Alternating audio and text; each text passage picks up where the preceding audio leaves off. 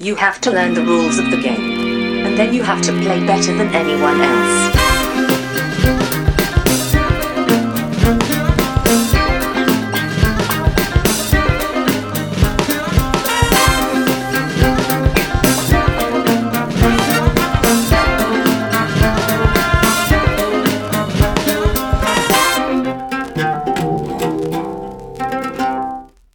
Hej välkomna till Vems tur är det mellan turerna? Podcasten där vi pratar om spel.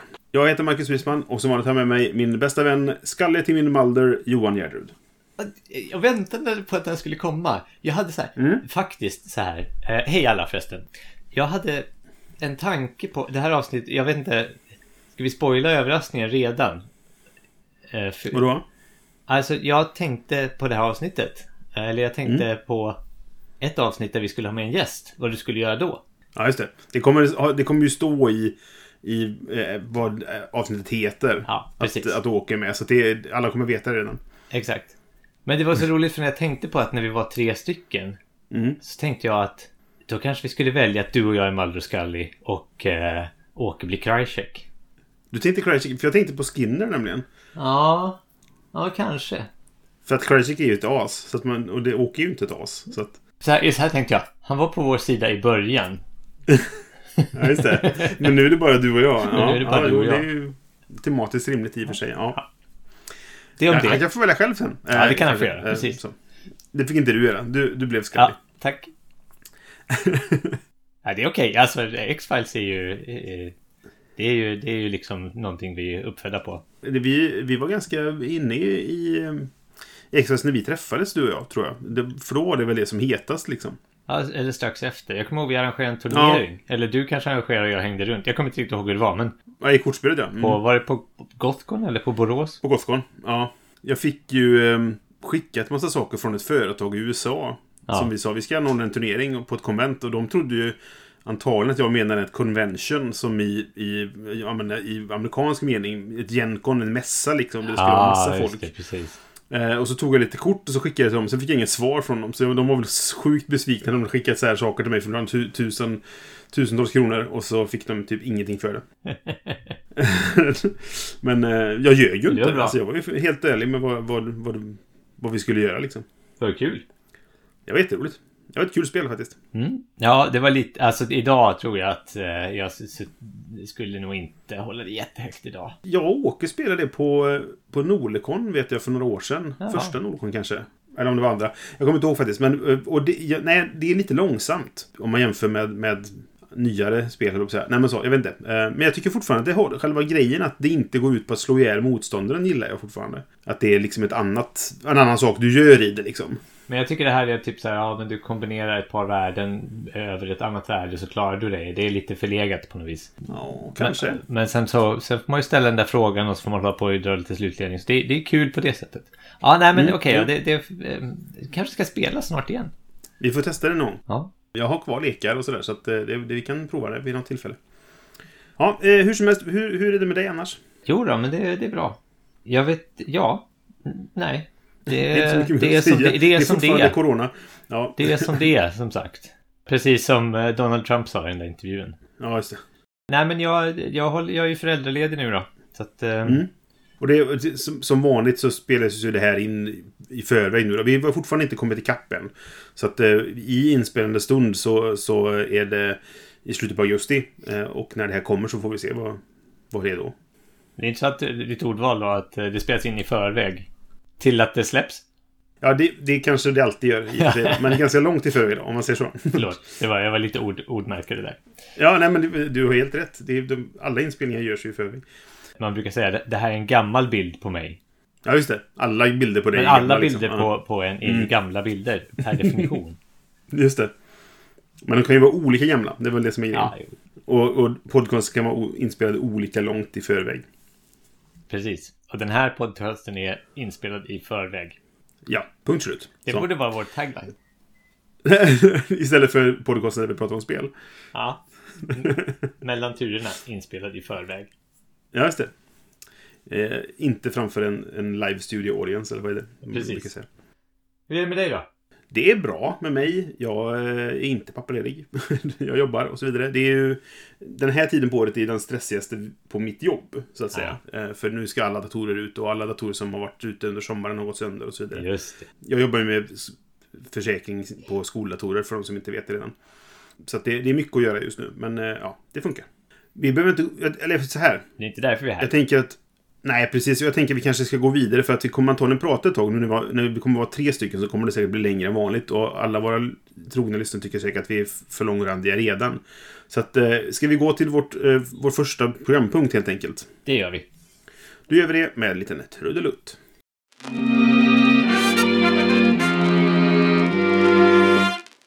Första programpunkten är som vanligt Vad har vi spelat? Och så sen sist, inom citationstecken.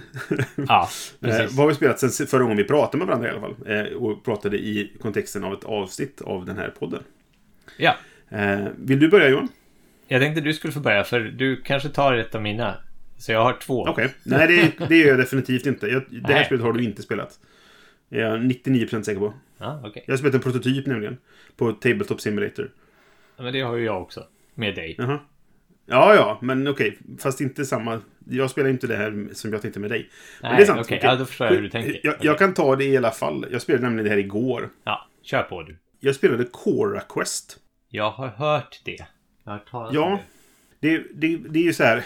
Om man, man har liksom hängt i, i samma lilla internetvrå som jag gör ganska mycket just nu så då vet man kanske vad det här är. Men annars har du ingen aning om vad det här är.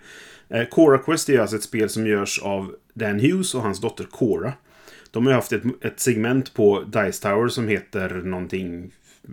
Jag vet inte vad de kallar det faktiskt. Men det, det går ju i alla fall ut på att Cora som då är... När de började var hon väl 5-6 år tror jag. Nu är hon 8 tror jag. Den går ut på att, att, att Dan och, och Cora spelar spel tillsammans. Och de spelar liksom barnspel och så, och så recenserar de dem. Ja. Nu har de som en del av hemskolningen då Eftersom hon har varit hemskolad för de bor i England då. Så har de som en, en del av den gjort ett spel tillsammans. Och så tycker, gjorde de det mest för skojs skull. Men så tyckte de att men det där blev ganska bra ändå. Vi testade liksom. Och så har de gjort eh, eh, med hjälp av en kille som heter Cameron har han gjort en eh, Tabletop Simulator-version av det. Så att igår så speltestade jag det tillsammans med Dan då och lite annat folk. Ja, kul. Ja, det var jätteroligt faktiskt. Det var, och, var tanken med det, om man ser designtanken som ligger bakom, är ju att det ska vara en, ett spel som barn kan spela själva, alltså typ, typ sex år uppåt ish sådär. Så de kan spela själva, men som även vuxna kan ha kul med om de spelar med sina barn. För det är ju väldigt vanligt att barn spelar typ så här, ja, ja, vad roligt vi har det, men det är kul för barnen i alla fall liksom. Och nu satt vi ju igår liksom fyra medelålders män. Och det, det där är också lite kul för det satt ju alltså... Den var ju med som, som typ spelmoderator om man säger så. Så det var han och så en annan britt. Och så var det en före detta britt som bor i Hongkong nu. Och så var det en amerikan och så var det jag i Sverige som satt och spelade tillsammans. Jag tycker det där är rätt fräckt faktiskt ändå. ja. Och så spelade vi det här eh, barnspelet inom citationstecken då. Men jag, det var faktiskt riktigt roligt. Ja. Det är en dungeon crawl. Okej. Eller en grottkrypare, grottkrälare om man ska prata svenska då. Ja, det var nog inte något, någon term som vi definierade någon gång, tror jag. Nej, vi gjorde inte det. Men jag tror folk brukar säga grottkrällare eller Okej, grottkrypare. right. Då kör vi Eh, på vi, det. vi, vi säger det i alla fall. och alla illustrationer är ju gjorda av Cora. Och sen har Gary King, som då har gjort, vi har pratat om tidigare tror jag i podden, som gör massa illustrationer till olika poddar och sånt där. Ja. Bland annat Death by Monsters. Just det. Så har ju han eh, färglagt hennes teckningar. Och eh, stilen är jättecharmig liksom sådär. Och det är, det är enkelt, väldigt enkelt att lära sig, men det är ändå engagerande. Och den har lyckats, eller och den och Core, för hon är ju ändå med som, som eh, han har ju inte gjort spelet och så har hon har inte teckningar, utan de har gjort det tillsammans liksom. Mm. Men de har verkligen, tycker jag, lyckats hitta rätt saker för att göra det engagerande även för vuxna. Och visst, det är inte avancerat, det kommer inte vinna några priser för att bästa innovation liksom sådär. Men, men jag tycker att, att det, det var roligt. Vilket kanske också kommer av att vi hade det var kul människor man spelar med sådär liksom. Mm. Men jag tror det kan funka jättebra som ett, ett barnspel för typ 6-8-åringar liksom. Det är intressant det du säger. Jag undrar egentligen hur många spel som höjs. Om man tycker att det var ett jättebra spel. Men, men det var egentligen bara det att man spelade med ett schysst gäng liksom. Ja, men precis. Folk man tycker om eller... Ja, men sånt där spelar jättestor roll. Ja, det tror jag verkligen. När man, när, man, när, man, när man har en subjektiv bedömning på hur bra man tycker ett spel är. Till exempel när man gör Ja. en ranking eller någonting sånt där. Va? Eller eh, ratear på Board Game Geeken och sånt. Det kan man alltså, som vi är så konsumerar vi spel kanske typ man spelar ett spel en gång och sen går man vidare till nästa liksom. Och då är det väldigt beroende på A, som vi sa i tidigare avsnitt, hur det går för en i spelet. Mm. Och B, vilka man spelar med. Ja, men verkligen. Det, och det, ja, det spelar verkligen superstor roll. Och det, det blir väl, för mig som recensent, så skulle jag ju väl egentligen så här ha flera grupper jag spelade med. Men det blir ju ofta att jag spelar med samma personer. Och det är ändå personer som jag tycker om. Alltså jag, jag har liksom kultiverat, eller ska man säga, min spelgrupp. Det här är personer som jag tycker är kul att spela spel med. Så det är de jag bjuder in och spelar spel med. Ja, precis. Och då blir det ju kanske färgat av det. Jag vill inte på något sätt nedvärdera spelet, men jag vill bara... Det, Nej, du sa nej. så, så tycker jag det är en intressant eh, eh, vinkling. Just en, just en liksom, vad heter det, en sån här eh, asterisk som kommer med varje Mm. spelbedömning man gör egentligen. Jo, men det som jag pratade om för ett tag sedan när jag sa till dig och Åke så här att jag, jag alltid när jag läser saker på internet så tänker jag eh, längst bak huvudet tänker jag alltid enligt mig. Ja. I slutet på alla folks eh, inlägg liksom för att det är det de egentligen skriver fast folk är väldigt ofta skriver saker som att det här är sanningen. Precis. Och det är ju lite samma här då att eh, det här spelet var kul i det här sällskapet. som den lilla asterisken som du säger då. Ja, nåväl. Vad är, vad är temat? Du sa att det, det, är en, det är en grottkrypare, men är det något Ja, en grottröjare. Så det är typ fantasy, eller? Ja, det finns bara ett scenario än så länge och det går ut på att man ska rädda gnomen Kevin som har eh, rymt hemifrån. Och han har hamnat i en, en, ja, en grotta då, där det bor en, en stor orm som man ska slå ihjäl. Det vet man inte egentligen när det börjar för man får reda på storyn allt eftersom då. Ah. Eh, sådär. Men jag vet, den har konstruerat ett, scenario till nu som är mer spindelbaserat. Okej. Som är nästa sak han ska testa nu då. Så får vi se. Jag vet inte ifall det, så här, om- kommer det komma till Kickstarter så småningom. Vi vet inte. Jag vet att han har skickat det, det till en utgivare, men de har inte svarat någonting än. Och det är fortfarande i, i liksom betastadiet så att säga. Eh, Men vill man kolla mer på det så kan man kolla på coraquest.com. Tror de satt upp. Och hur stavar du Cora? Eh, C-O-R-A och sen Quest. Okej. Q-U-E-S-T. Ja, jo. Och det, det, det, är ju kul också, för du, om du inte har en susning om vem Cora är, då betyder Cora Quest ingenting. Så tror jag det är med ganska många spel. Om jag ska vara helt ärlig. Jo, det är väl sant. Alltså så här, ja, jo, saker kan ju heta saker som bara, vadå menar du? Varför heter det här spelet? Eh, eh, ja, vi har inget bra exempel, men... Men ja, precis. Det kan ju vara påhittade namn och allting sådär. Men, eh, ja. I alla fall. Mm, vad har du spelat? Jag har spelat Pendulum. Ja, det har jag också. Så det är nästa spel från eh, Stonemaier Games. Mm, Och det är ett eh, worker placement slash tablåbyggarspel som eh, har en liten eh, in, innovativ så att säga, timermekanik som, som alla var väldigt sådär oh, ah, mm, ah.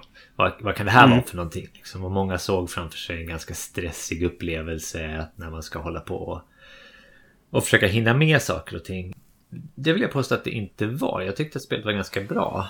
De här timerserna gör ju att timerserna sätts igång och då blir en, en, en handling tillgänglig.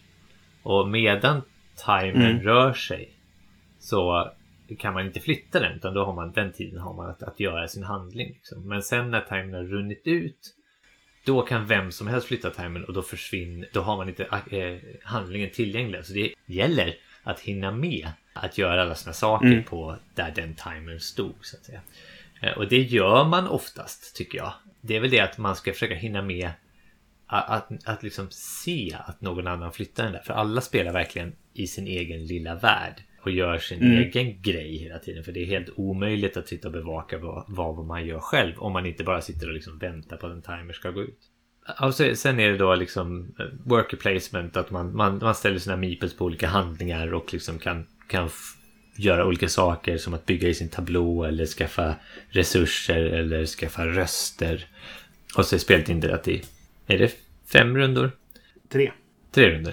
Om jag minns rätt. Det är, jag är lite som King, King Arthur här. Men... ehm, ja. Jag kopplar inte alls vad du menar, men nu fattar jag. Var, varje gång jag säger fem så säger du tre. ja.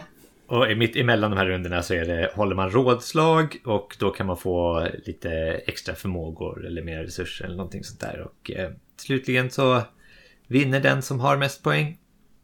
Det är ju eh, ett väldigt, väldigt, väldigt förenklad version av, av, vad det är. Men Mm. jag, jag tyckte att det var väldigt kul. Jag gillar ju så här tablåbyggarspel och man får, man får trigga lite kombinationer och såna här saker. Mm, just det. Men jag saknar lite inlevelse måste jag säga. Det var Mm. det är väldigt löst påklistrat tema alltså. Det, det finns nästan inget tema alls skulle jag säga. Nej, det finns en bakgrundshistoria som skulle kunna varit engagerande. Men bortom karaktärerna så, så liksom fisslar den. För det är liksom där, de här platserna man tar sina actions på, de är helt arbiträra. Liksom. Ja, Ett, det är ett, ett bord, ett grönt bord, ett rött bord och ett svart bord. Och där timersarna har olika tid. Mm. Varför har de valt de färgerna? Varför, varför tar det kortare tid att fria en, en action på det svarta bordet än på det lila bordet? Så det, det, det håller tillbaka lite för mig, det spelet. Men jag tycker ändå det var ganska bra, så jag vill spela mer. Mm. Alltså det finns ju som du säger en bakgrundshistoria i spelet. Men den tar ju slut så fort du börjar spela. Den är inte integrerad i spelet överhuvudtaget nästan. Känner vi. Nej, precis. Eh, Vi, vi kan väl säga så här då att eh, eh, beroende på vad utgivningsordningen blir nu då så har antagligen förra avsnittet eller nästa avsnitt av första intrycket är om Pendulum. Aha, intressant. Så att antagligen, om du hör detta så har du antagligen för två veckor sedan precis lyssnat när vi pratade om Pendulum. Eller så kommer du få höra om två veckor vad vi tycker om Pendulum. Och detta är för att vi spelar in våra avsnitt i förväg. Precis. Och även då första intrycket spelas in i förväg. Ja. Ja, okej. ja, nej, precis. Så att lyssna på det. Mm. Eller om du har lyssnat på det så, så har du lite mera kött på benen angående Ja. spelet. Annars så lyssna på det och sen så kan du tänka på vad jag har sagt. Just sen det. kan du bilda din egen uppfattning. Du kan, du kan pausa och gå och lyssna på det nu ifall det finns. Annars får du vänta två. Ja. Hur som helst. Jag, eh, kortfattat kan jag väl säga att jag, jag gillar inte realtidsgrejer. Men det var inte så realtidigt som jag trodde att det skulle vara. Nej, precis. Nåväl, det var i alla fall kul. Eh, Det var, så här, det var inte... Jag, jag är ju lite så här Stonemaier Games fantast. Jag tycker Mm. ju alla, eller så här, 90% av spelen därifrån alltid är bra liksom. Så att eh, det det. var givet för mig att, att, att fixa det här spelet. Jag blev väl inte besviken direkt, men det finns ju andra spel som är är bättre från Stonemaier. Till exempel uh, Scythe och, och Tapestry. Det är mina favoriter. Så att eh, Mm. de, de kom ju hellre fram innan det här spelet. Ja, just det. Det, det var ju en innovativ grej med, med de här timersna. Jag tycker att det, det, det, tog ju fram något nytt till bordet så att säga. Haha, pun intended. Jo, men det gjorde det ju verkligen. Det, det håller jag med om. Och jag är också sugen på att spela det mer. Sen eh, får vi se. Min farhåga är väl hur länge jag håller det i längden liksom. Ja, precis. Men det, får man, det återstår att se när man spelar det flera gånger. Ja. Så det ska spelas igen. Här Mm. i alla fall. Ja, ska vi gå vidare till vår nästa programpunkt som är ju vårt huvudämne och vår, där vi ska få in vår gäst också. Låt oss. Ja, då gör vi så med en liten trudelutt och så är vi strax tillbaka med en gäst. Okej, då tar vi och tror jag introducerar vår gäst först och sen så säger vi vad vi ska prata om. Låter det som en bra plan? I och med att vi spelat in det här i förväg så kommer det stå... Ja, ni vet ju redan vem gästen är som sagt. Redan konstaterat. plus vad ämnet är. Så att eh, det spelar ingen Ja, roll. precis. Ni vet ju vad ämnet är. Jag, jag vet inte, jag svamlar mest. Vi, vi gör så att vi, vi introducerar Åke Ternström Nolemo. Välkommen till podden. Tack så hemskt mycket. Härligt att vara tillbaka. Ja, precis. Ja, exakt, det är ju tillbaka. För du, alltså det var ju ändå vi plus Dennis som startade originalpodden en gång i tiden. Liksom. Ja, men precis. Sen tog ju du vidare den och, och gjorde en helt annan grej, vilket jag tycker du har gjort fantastiskt bra. Och sen har du och, och Johan gått tillbaka till det För från början var det ju bara så att vi satt ju och snackade skit egentligen. Visst, vi hade, ett, vi hade Ja. ju ett tema precis som ni har. Men det var ju mest att vi pratade om det här hela tiden. Varför kan vi inte spela in det också? Ja, men precis. Och så får man se ifall det är någon som vill lyssna liksom. Exakt. Så det är comeback nu för dig Åke. Ja, Mm. men exakt. Precis. Sen de glada dagarna har ju vi alla skaffat barn och andra hinder i livet. Så att det är kul att få till en sån här session nu. Nu kallar, nu kallar jag just mitt barn ett hinder i livet. Det var inte meningen på det sättet, men hinder för podcasting. Ska jag säga. Ja, men det är tur att ni inte Ja. frågar nu vad har du spelat sen sist? För då hade det blivit en ganska lång lista. Då hade du suttit här och rabblat, rabblat olika det. 18xx-titlar. Ja, exakt. har du spelat sedan 2014? Ehm, ja, eh, du ska få chansen att presentera lite grann. Så vi har, vi, vi, eh, du är vår första gäst, så vi, det är inte ett, en, ett liksom eh, satt debattform än så. Men vi har fyra frågor som vi ska ställa till dig och så får du svara på dem så kanske våra lyssnare som inte har så bra koll på dig får lite mer koll på dig. Ja, men det låter bra. Så den första enkla frågan då. Vem är Åke? Den, den enkla frågan, exakt. Nej, men jag, jag är en eh, tvåbarnsfar i boendes numera i Uppsala, jobbar med kaffe och, och spelar spel, kan man säga. Och eh, spelar väl betydligt färre spel nu än vad jag gjorde förr, även om det blir... Eller nej, det är inte sant. Jag ägnar mindre tid åt att spela spel, men jag spelar fler spel eftersom det blir så här Frost, Yatzy och Tjuv och polis och min första fruktträdgård nu tre gånger om dagen. Ja, just det. Åke, har du något favoritspel? Eh, ja, det har jag ju. Eh, ja, 18, 1822, men du kan nog säga egentligen vilket 18xx-spel som helst. När man gör de här, jag vet ju att vi tre skickar ju till varandra lite, en gång per år sådär. Det här är min topp 100 just nu. Och jag funderar Mm. på att bara klumpa ihop alla 18xx till en enda eftersom topp 20 i stort sett utgörs av 18xx-spel. Så det blir ganska ointressant lista. Men 1822 är den som ligger högst just nu. Alla som är 18xx-arre, eller vad var det ni kallades? Ja, Puffing Billies. Puffing Billies, just det. Alla Puffing Billies brukar ju ändå hävda att de är så pass olika att alla har, de, det finns, de har existensberättigade allihop, så att säga. För att eh, de är så pass olika. Men när du, för du, så du måste ju ändå göra en bedömning när du sätter dem mot varandra. Vilket är bäst nu då mellan 1839 och 1822 till exempel. Och, och det är ju så, för- oss internt i liksom det här 18xx-gänget så är ju det i allra högsta grad relevant. Precis som, vilk- ta vilket spel som helst, när du, när du pratar Dominion, eller Magic-kort kan vi ta, så tycker ju folk, eller Magic-lekar, de som är inne i det har ju en väldigt stark uppfattning om, om olika kort och olika lekar. Precis som vi har starka åsikter om olika 18xx-titlar. Men för, för utomstående är det ganska ointressant om jag tycker 18, 22 eller 24 är det bästa. Ja, just det. Så då är det Ja. så här, 18xx, ja. Punkt. Så räcker det. Ja, ja men då skulle du kunna klumpa ihop det så att ja. Ja. Mm, jo. I vårt förra avsnitt så pratade vi om illustrationer i brädspel och eh, ja, vi var inne lite grann på layout och touch också sådär. Vad, vad är din åsikt om, om det ämnet? Hur viktigt är illustrationer för dig? Ja, det var tur att jag inte var med i det avsnittet. För jag, spel... jag spelar ju inte spel med illustrationer, punkt.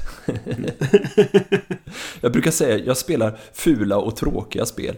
Eh, men, men så här, jag... Eh, Illustrationer, nej. Jag tycker ju att det mesta är i vägen när jag spelar spel. Men när jag spelar, jag, jag tycker att fina spel är fina. Och det går att göra bra. Och jag stör mig ju något så fruktansvärt på spel som har fula illustrationer eller, eller framförallt inkonsekventa. Titta på eh, typ, eh, alltså, typ exemplet här är väl Sierra Madre Game. Eh, som har gett ut eh, alla Pax-spelen och så vidare. Som blandar foto och illustrationer, dåligt gjorda illustrationer eh, som, som blandas, eller gjorde i alla fall förut, nu har de blivit bättre på det. Och jag, Terraforming Mars är ett annat exempel där det är liksom 3D-renderingar blandat med foton, blandat med illustrationer. Sånt stör jag mig mer på eh, än, än eh, avsaknad.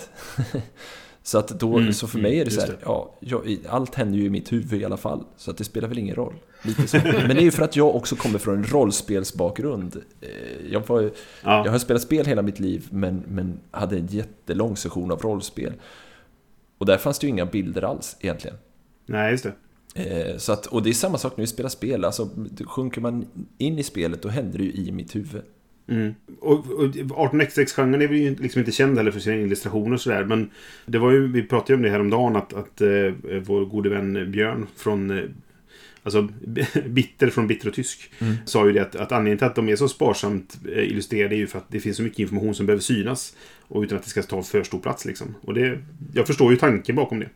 Ja, och det har ju fått, det har ju blivit kritiserat för att vara exkluderande för att det är fult och oförståeligt och så mycket information. Men det underlättar ju spelet något enormt.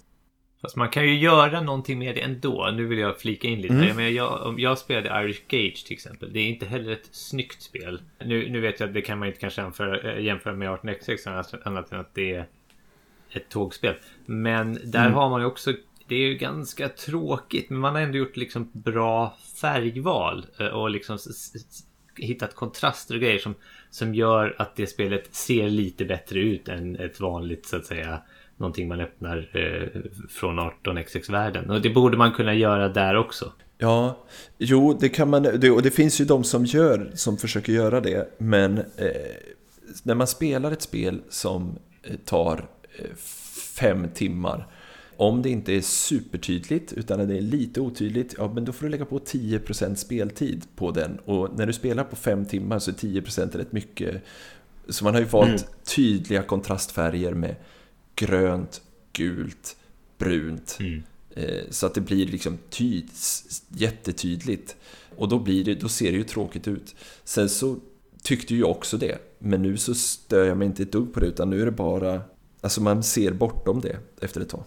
Men det är för att du har så här Stockholmssyndrom för, för 18xx-spel. Ja, men exakt så är det. De är egentligen skitdåliga och fula. Men jag är nu fast och vågar inte påstå motsatsen. Ja men det är bra att du är ärlig med det i alla fall. Det är så jag har alltid tänkt så att det var så att det var fallet. Vilket är ditt senast köpta spel? Räknas Kickstarter? Ja, vilken bra fråga. Om du fått det levererat skulle jag säga. Ja, ja och då... Oh. Vilket, är, vilket är det senaste spelet som kom in genom din ytterdörr? Eller fönster beroende på hur du bor. Ja, Ja, exakt. sant. Art- 18 Chesapeake tror jag. Eh, Som är ett så nybörjar 18xx-spel kan man säga. Så det tar bara tre och en halv timme att spela? Ja, något sånt. Ja, men nu, får, ja, men nu kan du klara av det på tre timmar. Två Det var en halv. Kickstarter väl, eller? Ja, det var det. Och den gick ju fantastiskt bra. För att vara 18xx absolut, men även på Kickstarter. Nu drog den ju inte in miljarder, men det var ju ändå ganska mycket eh, som den drog in. Jag ska se. Vad är, vad är 18, 18 Chesapeake? Är det så här rom, romerska siffror eller? Eh, nej, precis. Nej, men den utspelar sig i Chesapeake-distriktet. Där har vi den. Nu ska jag bara kolla faktiskt. Vad den, det, det kanske inte är så imponerande men, som jag vill minnas, men... Nej, 169 000 dollar. Så att, eh, ja, 1,7 miljoner någonstans där. Vilket ju ändå får anses vara ganska bra. Har du spelat det? Eh, ja, jag har spelat det ett par gånger. Ja, okej. Och det, det, det är bra. Eh, sen så kan jag tycka att det blir lite för... Inte förutsägbart, men, men, för det blir det verkligen inte. Men, men jag vill ha någonting lite mer av det. Är det så att alla årtal är slut mellan 1801 eller 1800 och 1899? Det är därför de gått in på att ha liksom eh, områden istället? Jag tror att det är lathet från utvecklaren som inte orkar hitta ett nytt. Eh, För det finns eh, årtal tillgängliga. Jag håller på att kika på ett nu som utspelar sig på Gotland. Och 18 Gotland låter ju inte så särskilt kul. Eh, Så då Nej. tänker jag att... Varför inte? Det låter ju jätteroligt. 18 Goth får det heta. 18 Exakt. Nej, men- Gotland. Och, och då är det ju så att första järnvägarna på Gotland byggdes 1884 om jag inte minns fel nu. Eh, så att då blir det ju 1884 för det var tillgängligt. Så vi får väl se. Ja, ja men då så. Jag har redan lärt mig något. Att det finns järnväg på Gotland. Eller i alla fall Ja, det, fanns. ja, det fanns precis. Det, det finns en liten kvar nu. Eh, bara som museijärnväg. Det, farsa, min pappa håller ju på med det där. Han kör ju den här Anten Gräfsnäs eh, smalspåret är det väl? Mm. Det kan du göra ett spel om också. Ja, ja, absolut. I, I modern tid. Så det utspelar sig nu. Och det är bara en sån turistfälla liksom. Ja, nej, men är det, inte roligt, är det inte roligare att spela spel som utspelar sig eh, liksom någonstans som man känner till? Jo, absolut är det. Jag tänkte Ticket to Ride Göteborg till exempel. Det är väl ganska kul att, att spela det om man är göteborgare. Jo, men all- allting där det- det finns någonting du kan känna igen dig i. Alla spel som utspelar sig i Europa där Essen finns med. Det är ju lite extra kittlande sådär för att man har varit i Essen så många gånger. Liksom, sådär. Så att, all- allt sånt är lite kul. Ja, det var sista jag köpte i alla fall tror jag. Jag hade ju någon plan någon gång att jag skulle göra ett, ett mikro 18XX. Som handlar om det första tåget. Alltså det första som byggdes överhuvudtaget då. Jag kommer inte ihåg vad det heter nu. Men det var något sånt här. Det, gick typ fyra meter eller någonting. Ja, jag, inte. jag, jag hittar på nu. Men, men eh, ja, det, det kan Jag, vara. jag har en vän som vill göra 18 eh, Vatikanen. Eh, det finns eh, en Ja, kilometer just spår inne i Vatikanen. Det hade också varit roligt. Det är bra. Man kan göra en sån samling av eh, 18 minispel liksom. Ja, exakt. Du lägger ner en tile, sen är spelet slut. Sen är spelet slut. Ja, nu, nu ska inte det här, eh, hela det här avsnittet handla om 18xx eh, och dess eh, fördelar och nackdelar. Utan vi har ett ämne då som, som vi redan konstaterat att våra lyssnare vet redan för de har tittat på sin telefon eller sin eh, podcastspelare. Men vi tänkte prata lite grann om det här med spelsmak och hur den kan utvecklas. Det grundades väl lite i att när vi började ja, men när vi gjorde första podden och när vi började liksom umgås kring spel så, där, så spelade vi ju ganska mycket samma typ av spel allihop. Vi hade ungefär samma spelsmak. Och sen har vi under åren nu då liksom har det för förändrats för oss allihop. Vi har vad ska man säga, glidit isär, som det så fint heter då, i, i vår spelsmak och har nu kanske lite större skillnad. Du spelar ju liksom inte 18xx på den tiden, Åke. Nej, precis. Det har väl mycket att göra med också den här boomen som brädspelshobbyn har haft också. Liksom att det finns mycket, mycket, mycket Mm. större utbud också. Men jag tänker när vi var nere på SM första gången, då var ju utbudet enormt stort och ändå så kom vi hem med 50 spel var och det är 40 som överlappar. Ja. Alltså, det, så att även om utbudet då var på flera, alltså eh, tusen nya spel plus då backlog på 10 000 spel så kom vi ändå hem med samma spel. Ja, vilket, hur vi lyckades med det, det, det är ju en, kanske en separat fråga. Men, men eh, spelsmaken har, har ju förändrats för oss eh, allihop, tror jag egentligen. Och, och det som kan vara intressant då, vad, vad kan det bero på? Vad, vad tror du, Åke? Var, varför har du snöat in på liksom den här 18xx-genren? Vad, vad ledde dig dit? Ja, men överlag så, jag kommer så tydligt ihåg, vi gjorde någon sån här, jag tror att vi alla gjorde det, det dök upp någon sån här test, vad gillar du för typ av spel? Och så skulle man kryssa i, tycker du flervalsalternativ? Och så fick man någon sån här diagram. Eh, Ja, det som ser ut lite grann som en diamant. ja, precis. Just det. Och Mm. min stack iväg helt på konflikt och vad det nu var, någonting mer. Och jag var så här, nej men det här kan inte stämma. Jag gillar ju så här mysiga, lite solo, liksom gemensam solospel. Men, så jag gjorde testet igen och kom, nej men jag gillar ju, jag gillar ju direkt konflikt och, och jobbiga, så då var jag tvungen att testa några sådana spel. Och, insåg att det här är ju det jag, det här älskar jag ju, för det hade jag glömt bort. Ett av de första spel jag liksom spelade på riktigt var Svea Rike. Eh, Och det gillade jag för att det var lite cutthroat sådär. Vi, man fick hugga varandra i ryggen och vara lite taskig eh, mot varandra. Så det var ju liksom en, en del av hobbyn jag hade glömt att jag gillade. För så stor del av den är typ krigsspel. Som jag kanske inte är Ja, stormförtjust just det. i egentligen. Och sitta och flytta små pappbrickor på ett hexagon. Liksom trupper med, med en markering på. Är jag inte stormförtjust i, även om jag kan tycka det är, är, kul det också. Men då började man ju leta, då började jag leta efter andra spel som liknade dem men hade kanske lite andra teman eller spelades på ett annorlunda sätt. Och ju mer jag dök in i den desto Alltså det öppnas ju en subgenre av spel som bara förgrenas och förgrenas och förgrenas. Så man upptäcker ju att vad du än håller på med för... Alltså folk tycker att brädspel borde vara samma lika men, men dyker man ner så hittar man ju liksom dju- djupare och djupare Mm. in i sitt träsk på något sätt.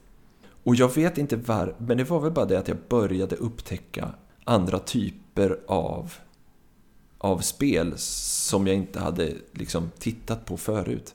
Mm. Och sen så tror jag att det har att göra med att jag hittade folk som jag Eh, för i samband med detta så flyttade jag till Uppsala och då hittade jag en ny spelgrupp med folk som jag tyckte om att spela med och de hade en helt annan spelsmak än jag.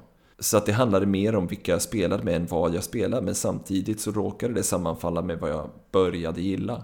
För alltså, om, om vi säger att, att när vi började, att vi hade liknande smak och sådana saker. Vi, vi har ju ändå inte spelat med varandra så mycket. För att vi har ändå varit utspridda över landet ganska mycket. Vi har tagit alla chanser vi har fått kan man säga. Men, men vi, jag, jag, ni är ju inte tyvärr då de, de två jag har spelat mest med om jag kollar i min statistik sådär liksom. Men, men jag tror ändå att det, när vi började så var det ändå lite samma smak så här. Jag tänkte jag skulle, om man kollar på vilka vilka avsnitt vi gjorde. Vilka spel pratade vi om i vårt första avsnitt av podden till exempel? Vi pratade om ja, Best of 2013 var det första avsnittet. Det är lustigt att börja med ett Best of avsnitt. så här i, i efterhand liksom. Men, men sen nästa avsnitt så pratar vi om, om tågspel. Och det är också kul några Ja, i backspegeln sådär. Ingen som pratar pratar om 18xx och Ticket to Ride. Nej men precis. Eh, och vi nämnde det typ så att ja, det är en hel genre. Och Dennis bara, vad är det en hel genre? Ja, jajamensan. Så jag förstående och tyckte att det handlade om Pick Up and Deliver. Och så skrattade alla åt mig. Inte ni, utan de som Nej, faktiskt inte vi, vi bara, vad ja. Var. ja, precis. Nej, men vi har pratat om Suburbia, Carcassonne. Och, alltså, de, de spelen som... Vi, vi, vi riktar väl in oss lite grann på att prata om spel som folk ändå hade en chans att känna till. Att så här, prata om superobskyra spel var, var inte vårt mål med den podden, så att säga. Nej. Men det var ju också de spelen vi ofta spelade. Men jag har, lite, jag har en liten, eh, eh, vad heter det, en kompletterande information där till vad du sa att vi inte spelade med varandra så mycket i början. Jag vill nog hävda, hävda i alla fall att när jag flyttade tillbaka till Stockholm, till Sverige från eh, London, då hade jag ju bott i Göteborg innan och då, då hängde vi mycket Brisse, vi spelade rollspel ihop. Mm. Men sen hade jag en lite så här paus från, från analoga spel i alla fall under den tid jag bodde i London. Men när jag kom tillbaka då, då träffade jag Åke. Mm. Och det var Åke faktiskt som introducerade mig tror jag till brädspelshobbyn. Så det, det får jag nog nästan ge dig lite cred för där Åke. Och då Oj, spelade vi väldigt hoppsan. mycket tillsammans du och jag. Ja, det gjorde vi. Ja, det, det, det, det kanske är jag som är odd man out där då. Ja fast inte egentligen för att du och jag spelade väldigt mycket tillsammans eh, när vi började spela eh, kortspel då. För jag har ju gjort den här resan och det, det, det är lite det jag vill komma till. Från att ha varit kortspelare i olika sammanhang till att sen bli brädspelare. Och jag tror att ett av de första spelen jag spelade med Åke och dig kanske samtidigt var Dominion. Ja, precis. Det var hemma hos, hos gemensamma vänner till oss. Så det blev ju ett he- det blev ju liksom en inkörsport för mig. Det var ju helt rätt liksom spel, brädspel för mig att liksom bli, bli fast på hobby. Så att säga. Sen så spelade vi väldigt mycket och då var det Åke som hade alla spelen liksom som man samlades hos Åke Ja, och spelade spel. Och vi spelade um, Manchester Madness, vi spelade London, vi spelade ja, en massa olika spel hos Åke då. Mm. Men sen eh, så, så där började man ju umgås och då spelade vi samma spel i alla fall liksom. Men Ja, just det. Ja, det fortsatte ju så länge jag bodde i Stockholm så sågs ju vi och spelade om inte en gång i veckan så i alla fall varannan vecka under en, under en ganska lång period skulle jag säga Johan. Var det inte så? Ja, precis. Och du hade ju brädspelsaffär där ett tag också. Där, vi, Ja. eh, där jag brukade komma och, och testa de nya spelen som ni fick in. Så att, eh, det gjorde vi ju eh, då. Ja, nej, jag, okej, jag, jag, det, jag tänkte kanske mer på oss alla tre. Oss alla tre, vi har inte spelat samma spel så mycket. Nej, det är det jag menar. Nej men då, då kan man säga att jag och Johan spelade ju samma spel som Johan och du spelade när ni sågs och, och när, när vi sågs alla tre så spelade vi ju samma spel och, och tyckte väl hyfsat lika också. Skulle jag säga. Ja, tillräckligt lika i alla fall. För att kunna, kunna, för att kunna se att vi nu har förändrat i vår spelsmak. Du, du hade, I och med att vårt första avsnitt ändå, eller vårt andra avsnitt hade Snurronia med sig. Så känns det som att du kanske redan då hade börjat hitta åt ett annat håll. Eventuellt Åke, jag vet inte. Ja, men Snowdonia är ett klassiskt, alltså det är ju så mycket worker placement så att det är helt sjukt. Jo. Eh, Alltså så det är ju, det, det är ju ett riktigt euro med träkuber och, och, och Mm. worker placement. Men du var också väldigt glad i det. Ja, För du hade ju plockat ut det när vi var i Essen. Mm. Och det här med att vi kommer hem med samma spel. Jag tror att det berodde kanske lite på att Brisse, du bodde ju på ett annat ställe liksom. Så att vi, Mm. vi, vi, vi, att du och jag köpte samma var ju inte kanske så konstigt eftersom vi spelade på olika Nej, håll. det är sant. Men så där är det ju fortfarande när vi åker till Essen nu. Alltså, du köper ju... Lelle köper ett spel och du köper samma spel och jag köper samma spel. Som i och bor någon annanstans då. Ja. I, den, I den kontexten så är det ju så här. På, på eh, tio personer så finns det fem likadana spel liksom. Eller så där. Nu har vi faktiskt de senaste gångerna varit lite smarta och använt en, en så här Mm. Facebook-tråd eller sån här Messenger-tråd där vi liksom diskuterar så här. Ska du köpa det här spelet? då kanske inte vi... Ja, då tar jag det här. Alltså så här va. Så att Ja. det är lite mer ekonomiskt tänkande när vi... men det var år två eller tre Johan som du tvingade mig, alltså du gick runt och, och, och eh, så här uppmuntrade mig. Men du, det här, det här borde du verkligen köpa för att du var sugen på att spela det. Det var ju för att jag hade slut i plats, plats i väskan. Ja, just det. Då kunde man ju inte skicka hem spel utan då var, då var man ju väldigt Nej, ekonomisk med att just få plats i sina väskor.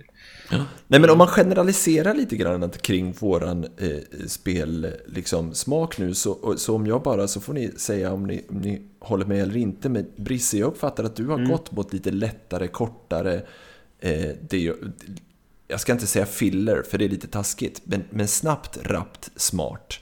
Johan, du håller fortfarande högt de här mid-euro och, och knuffar krä, träkuber och eh, numera plast eftersom det har blivit mid-euros nya signal, signalement sen, sen Kickstarter och jag har gått till, till så mycket papp och eh, tungt som det bara kan gå. Jo, det stämmer nog till viss del, även om jag...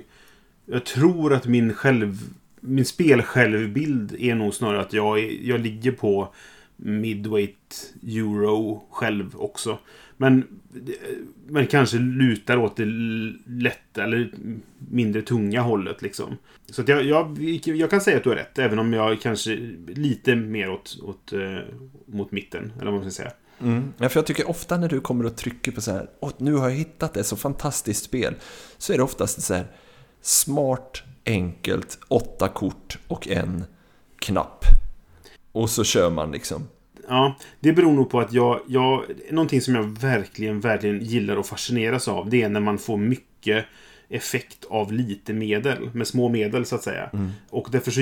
Jag kan verkligen fascineras av små kortspel eller små korta spel och enkla spel som, som ger väldigt mycket vikt när man väl spelar det. Liksom. Alltså att det finns mycket att, att ta av, även om det inte är så mycket regler eller så mycket eh, komponenter. Liksom. Ja. Så det, det är de jag gärna håller fram som att kolla här. Det här har de lyckats med. Liksom. Men sen är det kanske inte det jag alltid vill spela heller. Liksom. Som ett litet instick här tycker jag jag fick den känslan av det här Fort. När vi spelade häromdagen. Mm. Att det är liksom en kortlek. Ja, det är väl lite goals och grejer också. Men det behöver ju ingen spelplan eller sånt. Men det var ett ganska matigt spel i alla fall i, i den liksom. Mm. I den kortleken. Men jag, jag tyckte inte den där gyllene Wow, vad mycket de har gjort med det här lilla. Den, den tyckte jag inte infann sig riktigt där. Men jag har också bara spelat en gång. Nej, nej men det, det var mest att de har liksom tryckt ner ganska stor spelupplevelse mm. i en kortlek. Och det tycker jag också är lite så här imponerande. Mm. På något vis. Men jag, jag håller med dig. Det var inte riktigt det som vi försökte. Eller som du pratade om. jag bara... Nej, men precis. Hade en, en flik där. Jag tror, att, jag tror att du har rätt där och jag vill nog säga att jag har kanske förändrats minst. Jag gillar ju fortfarande liksom först och främst kortspel då. Mm. Men också då medeltunga euro som du säger. Eller jag ska säga så här, medeltunga euro och sen också fortfarande kortspel. som till exempel LCG-spel eller eh, något som jag kanske kommer in på senare. Andra spel kort, med, där korten är det drivande momentet. Liksom. Mm. Men jag, jag, kan nästan tänk, känna att du, du har ändå gått mot lite tyngre. Johan, för att du, du är ju väldigt förtjust i till exempel Lisboa. Ja, det är för att jag kommer eh, stångandes med Lisboa lite där och då och då. Ja, visst ja. Mm. Jag tror det är det som gör att jag känner att du har lite, din smak har, har gått lite mot det tyngre. Ja, nej men det kanske är sant. För Lisboa tycker jag är, det är så jäkla bra det spelet. Alltså, det klassas väl som ett lite tyngre spel. Så att, eh. mm. Men gäller inte det allting? Jag tycker när man läser, läser du mycket böcker så ger du till slut in på Nobelpristagare. Tittar du på mycket film börjar du plötsligt kolla på svartvit polsk film. Spelar du mycket spel så ger du in på Lisboa till slut. Alltså att man... Mm. Eh, det, det behöver inte handla om att det blir tyngre men att det gör någonting annorlunda. Det kan vara det att det, det, handlar om åtta kort och en knapp eller det handlar om att det är tyngre eller något annat. Va? Att ju mer du håller på med någonting oavsett hobby desto mer ser du nyanserna och vill ha någonting mer. Och vad det mer är, det kan vara, det kan ju vara, vara helt olika. För en cineast kan det ju vara att börja kolla på kortfilmer eller det är definitivt helt olika. Jag tror att där får vi gå tillbaka till när vi pratade om var, varför man spelar spel, liksom, vilket är väldigt subjektivt. Mm. Uh, och just att om jag ska dra mot det tyngre hållet och, och, och hitta Lisboa och du åker drar det tyngre hållet och hittar 18xx, det är ju liksom bara att vi är olika som personer. Mm. Ja, men så är det ju. Jo, men det tror jag också. Men jag, jag tror för att ska jag hitta till de tyngre spelen så då måste jag dras dit av, av tema. Tror jag. För, alltså, för det är det som vi pratade om tidigare också. Det här med att, att eh, jag, tema är någonting som får mig mm. intresserad av ett spel. Och sen så stannar jag kvar ifall mekaniken är bra. Så att jag skaffade On Mars till exempel. Eller att jag skaffade Pax Transhumanity. De skaffade jag mot min vilja. Så här, ska man inte säga. Men jag skaffade mot mitt bättre vetande. Att de här antagligen är egentligen för tunga för mig. Men jag är väldigt intresserad ja. av temat. Och därför så skaffade jag mig någon. Liksom. Nej men för att det är också, det handlar ju inte bara om tyngd för min del. Eh, utan att det var, jag gick mot, eh, liksom från det här Care Bear-spelen och myspys till direkt konflikt och att mm. sabba för varandra. Och där har ju, står ju du och jag i så bjärt kontrast Brisse så att det är helt sjukt. Ja men verkligen. Samtidigt som jag kan gilla solospel men det, det går ju inte att... Alltså, jag vill ju ha mycket förhandling, hugga i ryggen och, och, och förråda. Men det är intressant som du säger för att jag, vi, är väldigt olika där. Eh, för du söker konflikten medan jag kan stå ut med konflikten ifall jag vet att det är det det går ut på. Men om jag inte är beredd på det så, så gillar jag det oftast inte. Ja, men som vi spelade John Company till exempel. Och det första du gjorde var just det här att börja jävlas med mig och tycka ja, om inte du gör så här så får du inte detta, vad det nu var då va. Då blev jag bara förbannad och tänkte ja, men då skit, skit i det då, nu kör jag mitt Ja. eget race. Och så, och så var det liksom den upplevelsen lite skevad då för alla inblandade för att jag satt ju bara och sabbade för er andra liksom. Vilket ju det spelet går ut på i och för sig, så att det är ju... Ja, och jag vann ju också så det gick bra så sätt. Men, men, men det var ju liksom, jag, det, jag vet ju att vissa andra runt bordet var ganska sura på att jag fick det spelet att ta slut ungefär en och en halv timme före det borde ta slut. För att jag körde det i botten liksom. Men det är också det som är charmen med ett sånt spel. det, alltså för jag har inget emot konflikt om jag vet om att det är det som är grejen. Jag spelar jättegärna ett tvåspelarspel ifall det är... Om det, då, då kan det vara hur mycket konflikt som helst. För då, då går jag in i det och vet att nu är det det här vi ska göra liksom. Men, men jag tror att du söker konflikter på ett annat sätt än vad jag gör. Jag söker förhandlingen, tror jag. Eller konflikten och, och den här Ja. möjligheten till att... Alltså det finns någon, jag tror att det finns en, en kategori på BGG som heter political, eller något sånt där. Och som innefattar Ja, förhandling det. och politiskt förhandlande och, och hela den här biten. Mm. Som jag är väldigt förtjust i, i spel, numera. Och som jag hade svårt för eh, länge. Och jag undrar om det har att göra med att jag tyckte, alltså jag tyckte inte jag var så bra på spel. Och förhandlar jag så förhandlar jag fel eller någonting. Men nu är det så här, Mm. jag har börjat slappna av lite i den och bara, ja ja. Mm. Eh, Det spelar väl ingen roll om jag förlorar, vinner eller sabbar för någon annan gör det ju, men inte sabba för, eh, sabba för någon annans upplevelse spelar ju roll, men inte sabba för någon annan egentligen, för det är en del i spelet. Nej, just det. Ja. Sen, sen tror jag vi, vi har, jag tror att vi alla tre har en, en likhet när det gäller alltså spel. Och vår inställning till spel. Och det, det är att jag tror att ingen av oss egentligen skyr att testa vad som helst. Utan kan man göra det i rätt sällskap så kan vi nog spela... Jag, kan, jag skulle vilja testa ett 18xx-spel till exempel. Men då ska man hitta ett tillfälle att göra det också. Det kanske är det som är det svåra då. Men jag tror att vi ändå har alla den inställningen att men vi, vi testar en gång, vi kör. Liksom.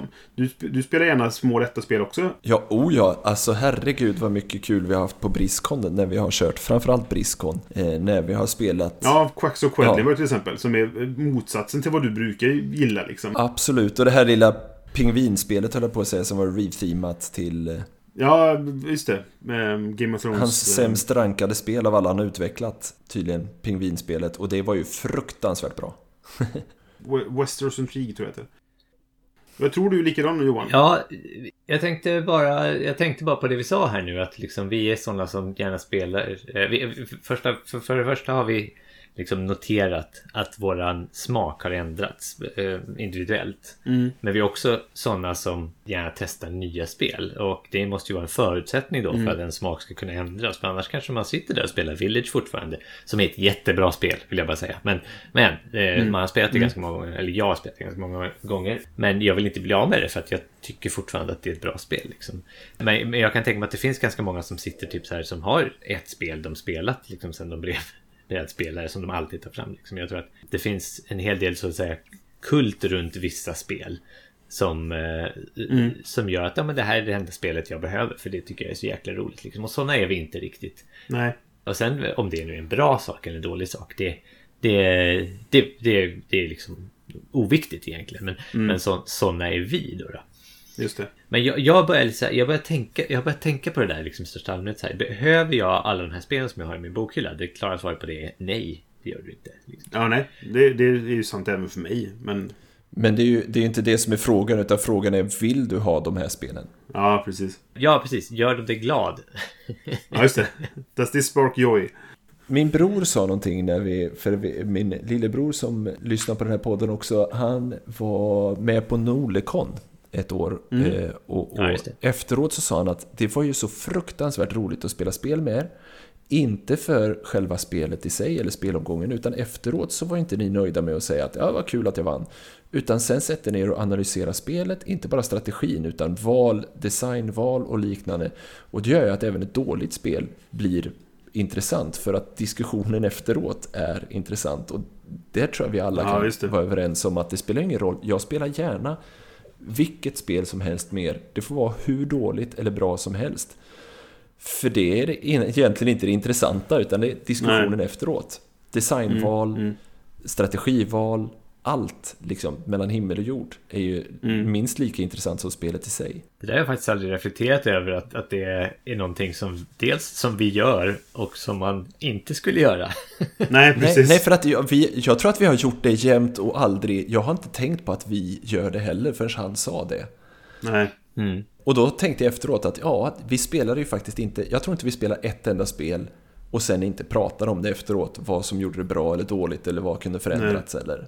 Nej, nej, det, det är nog faktiskt mm. sant. Det är en rätt, rätt, rätt intressant vinkel då liksom som kommer in lite där var, varför man spelar spel. För, för, vi etablerade ju liksom att en av anledningarna är ju umgänget liksom. Det har vi pratat om redan mm. i det här avsnittet igen liksom. Att, att, att spelar man med rätt personer så kan man få en bra upplevelse även om spelet är skit. Mm. Men just också att få sitta där efteråt och diskutera är ju någonting som jag nästan tar för givet att, att vi gör liksom. Ja. men det är mm. inte alls säkert att alla gör. Nej men det är därför vi har den här podden. Det gör ju att man reflekterar mm. lite över, över just sådana saker som designval, ens egen omgång och sådana här saker som, som jag vet inte, som hör till och gör en på något sätt mera fördjupad i hobbyn och blir, man blir liksom en mer öppen spelare kanske. Ja, kanske. Jag vet inte. Nej. Jag, jag analyserar ju mitt, mitt eget... Det här med att jag kanske spelar lätt... Eller inte lättare, men kortare spel och sådana saker. Jag, det är så klassiskt man står och tänker i duschen när man tar något annat att och, och göra. Liksom. Och analyserade mig själv en del. Och kommer ju fram till att det, det, har ju väldigt mycket att göra med att jag, att jag recenserar spel för Fenix då. Och att det väldigt ofta är situationer där jag säger okej okay, nu måste jag spela det här spelet någon går med gång eller vi måste hinna med detta och sen så ska vi gärna hinna med ett till innan vi ska, och du vet så här.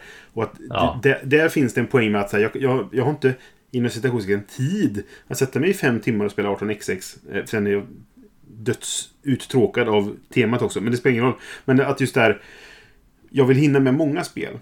Och det handlar så mycket om att, att det är inte bara att jag ska recensera de här spelen och jag har en hög jag ska ta mig igenom. Utan det handlar också om att jag vill ha nya spelupplevelser som vi var inne lite grann på förut. Man vill testa nya saker, man vill prova det här, man vill prova det här. Det här kommer jag behöva prata om vid något tillfälle. Det här behöver jag veta vad det, hur det går till så jag kan ha en uppfattning om det i jämförelse med det här spelet till exempel. Och då blir det lätt att säga jag måste testa fler spel nu och jag har min grundinställning till spel är oftast nya upplevelser är kul. Och då, jag får ju fler nya upplevelser när man spelar korta spel än när man spelar långa spel. Och där tror jag omedvetet att jag har färgats av det. Liksom, därför glidit in mot de kortare spelen. Och att det är det som har gjort att jag, det är där jag ligger nu om man säger så.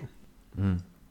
Nej, för att jag, jag och jag medan jag är tvärtom. Att, och jag vet, inte, jag vet inte vad det är som har gjort det, men jag spelar ju hellre, jag ägnar ju hellre vi åker till Växjö då och då ett gäng och spelar 18xx och då åker vi en helg. Mm. Och har man tur hinner man med fyra partier på en helg. Fyra spel på en helg. Fem om man ja. har riktig tur. Och det är det jag är ute efter. Mm. För att eh, jag vill ha en riktig hjärnkrunch och jag spelar hellre fem spel jag vet är bra än 25 spel varav 10 är bra och 15 var dåliga. Ja. Jag, vill nog, jag, jag, tror inte man hinner med 25 spel på en helg. Då får man spela väldigt korta spel. Eh, ja. Jo, jo, jo. Det är inga problem. Det beror på hur, hur, hur man lägger upp spelandet. jag tror nästan vi spelade ja, 25, 25 gånger av Westeros Intrigue och Quaxo Quedlingburg det året. Så att, eh. ja, nej men, nej, men det, det, det beror på vad man spelar. Men, jag, men jag, jag, jag vet dock inte om jag håller med om den känslan. Alltså Jo, skulle jag, skulle jag kunna sätta mig och spela fem spel som jag vet är bra. Då kanske jag hellre gör det än att spela 20 spel där hälften är dåliga. Fine. Men å andra sidan, om jag får upptäcka 10 nya bra spel. Så ger det mig också någonting i det läget. Absolut. Det, det, det, för då kanske jag verkligen så här, och det här var riktigt bra. Det vill jag spela igen. Och så spelar jag det igen när jag har tillfälle till det liksom. Och det är därför jag har lämnat Cult of the New. För att då mm. spelar man bara spel som är 30 år gamla. Då vet man ju att de är bra om det är, de, om det är folk som jag litar på som säger de här är bra, det här borde du testa, det här är kul, den här gör den här grejen annorlunda. Mm. Och då ger man ju in liksom, i en tre timmars upplevelse. Jag kommer förmodligen inte bli besviken på den. Nej. Men en Kickstarter som är på tre timmar eller fyra timmar, ja, där tar man ju risk. Ja, men det, det, det, det är det som är den stora risken, att man ger sig in i någonting som sen... eh, Ja, det här var ju inte så bra. Men jag ska sitta här en stund till, liksom. Mm. Nej, men vi, Johan, vi spelade här, vad hette det? Edge of Darkness heter det inte? Edge of Darkness ja. Heter det så? Ja. Som jag tyckte inte var så bra. Och det satt Eller vi spelade Edge of Darkness. Jag vet inte om det är det som Jo, det historien handlar om. Men Jag fick för mig att det är en Ja. film. Det tog ja. en jäkla tid. Ja, ja, precis. Ja. Edge of Tomorrow i filmen. Så är det, tack. Nej, och, det, så det, och det var ju så här, vi, vi gav oss in i det och trodde att det skulle vara bra. Och så var det inte det, enligt mig då. Ja. Men, och då hade vi liksom, nu har vi redan lagt den här tiden. Vi har redan börjat, så får vi spela klart också liksom. Ja, precis. Men det, det är så här, för, för mig är det det här att om jag åker till eh, över en helg och får spela tio nya spel, då gör jag jättegärna det. För att någonstans där så är payoffen ganska stor om det är ett spel, nytt spel som jag tycker är jättebra. Mm. Och det är värt att, att spela ett spel som kanske är dåligt. Liksom.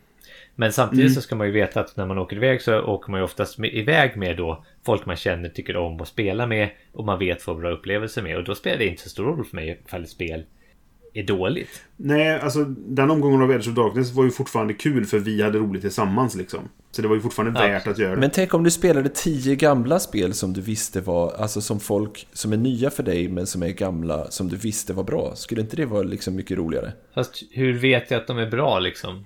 Ja men eh, om, om det är folk du litar på som säger, som har haft de här spelen i 20 år, eller i 10 år, eller i 5 år för den delen, som säger att ja men det här är ju ett riktigt bra spel, vi tror att det här passar dig. Fast då är det ju nytt för mig liksom ändå. Så då räknar jag det som ett, ett, ett av de tio nya spelen i sådana fall. Liksom. Sen, ta, men tar det tre timmar, då spelar jag ju hellre två andra nya spel istället. Liksom. Mm, absolut. Ja, det är jag som blandar ihop två saker här egentligen, med gammalt och långt. Ja, nej. Ja, ja precis, exakt. Det är för att jag gillar gammalt och långt. Jag svepte in alla gamla spel som att de skulle vara liksom långa också. För det sa du innan att de var. Ja, det var, det var de. Det fanns inga korta spel före 1990. Jag har ju till exempel, eh, det är några spel som jag, som jag liksom aldrig har spelat, som jag borde ha spelat. Mm. Eh, Sådär va. Som man eh, tycker sig borde ha spelat i alla fall. Jo, men så, jag, jag har ju flera sådana luckor i min spelar-cred, eller vad man ska Ja. säga då. Som jag Ja, inte precis. har spelat fortfarande. Absolut, det finns flera sådana luckor. Och det ska ju mycket till om ett sånt spel ska komma fram istället för det senaste. Mm. Men ibland så gör de ju det. Så att Mm, eh, eh, det är ju eh, eh, kul när det händer. Men någonting som jag, jag skulle säga också, någonting som jag väldigt sällan gör är att som jag vill, verkligen vill göra, men det är väldigt svårt i, i, i den umgängeskrets som jag, kanske vi har, eh, sig, att ta något spel som man tycker är riktigt bra från tre fyra år sedan och spela det igen. Mm. Att, att få tid att spela det där spelet i konkurrens med alla de nya som ständigt kommer Mm. ut. Liksom, så här. Och det är därför man har kvar spel i sin hylla, för att man vill spela dem igen, men, men de får alltid någon slags lägre prioritering. Och det är lite synd. Så är det verkligen. Och jag gick och kollade mina hyllor här i, häromdagen och var så här. Nu har jag väldigt många spel jag inte har spelat än. Och det är för att de inte har varit på min recensionslista. Ja, Och då får jag ta dem sen då. Jag, hade, jag, jag tömde min recensionshög för ja, ett par veckor sedan nu. Liksom, och typ så här, okej, nu är det tomt. Jag har ingenting i recensionshögen. Och nu har jag, en veck, två veckor senare så har jag sex spel på listan som ska recenseras. Eh, vilket inte är så mycket jämfört med vad, när jag kommer hem från Essen och har liksom 40 spel. Men, men eh, det, det blir ju situationen där jag kan spela vad jag vill inom citationstecken. Det, de kommer inte så ofta så länge jag är recensent. Så att jag håller med dig om att det, man, ibland vill man ha de här tillfällena. Bara, som, alltså, eh, Lewis and Clark som ändå är mitt nummer ett-spel. Jag har nog inte spelat det på ett och ett halvt år. ja just det. Och det är ändå mitt bästa spel. Liksom. Ja. Nej, men, och det borde ju inte vara så svårt att få till, eh, tänker jag. Inte egentligen. Men, men och jag, jag tänker det är samma sak, du nämnde Village förut Johan. Jag, det, jag håller ju fortfarande det väldigt högt och skulle väldigt gärna spela det. Men det finns andra spel som hela tiden Pockar på uppmärksamhet. knuffar framför. Alltså jag, jag blir lite, jag kan bli trött på mig själv och eh, liksom att, att den här jakten, och det är väl den jag försöker släppa också. Eh, jakten på det nya, det nya, det nya hela tiden. Eller den nya upplevelsen. Det behöver inte vara det nya, det nya. Utan Men jag, nya har du inte bara en jakt på det gamla, det gamla, det gamla? Jo, exakt. Men det är den nya upplevelsen i det gamla. Och då är det väl ingen större skillnad, eller? Nej. Nej, det är det inte. Eh, Och, och, och det är synd att man inte, att man inte, att jag inte och Johan verkar ju känna samma sak lite grann. Att man, det, han, det behöver inte handla om att snöa in på Village, men vi har ju tillräckligt många, om, vi, om vi går tillbaka och kollar vilka spel vi köpte på SN för fem, sex år sedan. Skulle vi sätta oss och spela igenom topparna där, då skulle vi ändå ha att göra ett par veckor. Ja, ja visst. Jo, visst.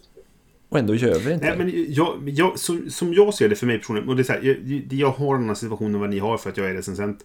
Men min, mitt mål är ju så här att den dagen jag slutar recensera, då ska jag spela så jävla mycket spel som jag aldrig har, har fått chans, eller som inte har hunnit med annars liksom. Så då ska jag spela alla mina gamla favoriter och jag ska ta mig igenom alla de här ospelade spelen. Som får vara kvar, för jag tror att jag kommer gilla det. Så därför säljer jag det inte bara. Men just nu är jag inte i den situationen.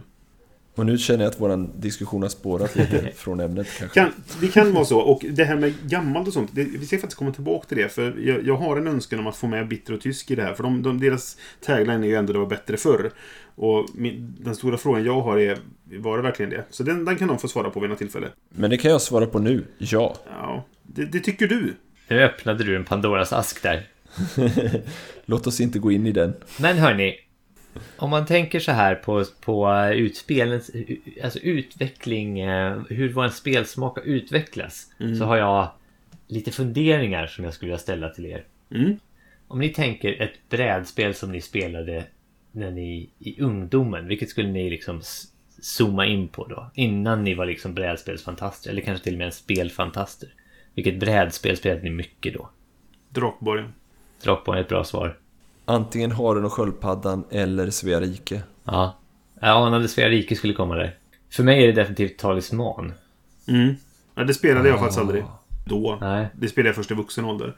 Men eh, det, jag var, jag, min, min spelkarriär, det, där pratade vi om i vårt Varför spelar vi avsnitt. Men jag, den liknar ju Åkes ganska mycket. Jag var ju rollspelare och du också Johan. Vi, hade ju, vi Ja. har ju samma bakgrund egentligen. Vi har varit rollspelare och sen har vi glidit in på brädspel mer och mer liksom. Men en, var det, hade, jag, hade jag ett brädspel när jag var yngre så var det Masters of the Universe och Drakborgen. Ja, ja okej.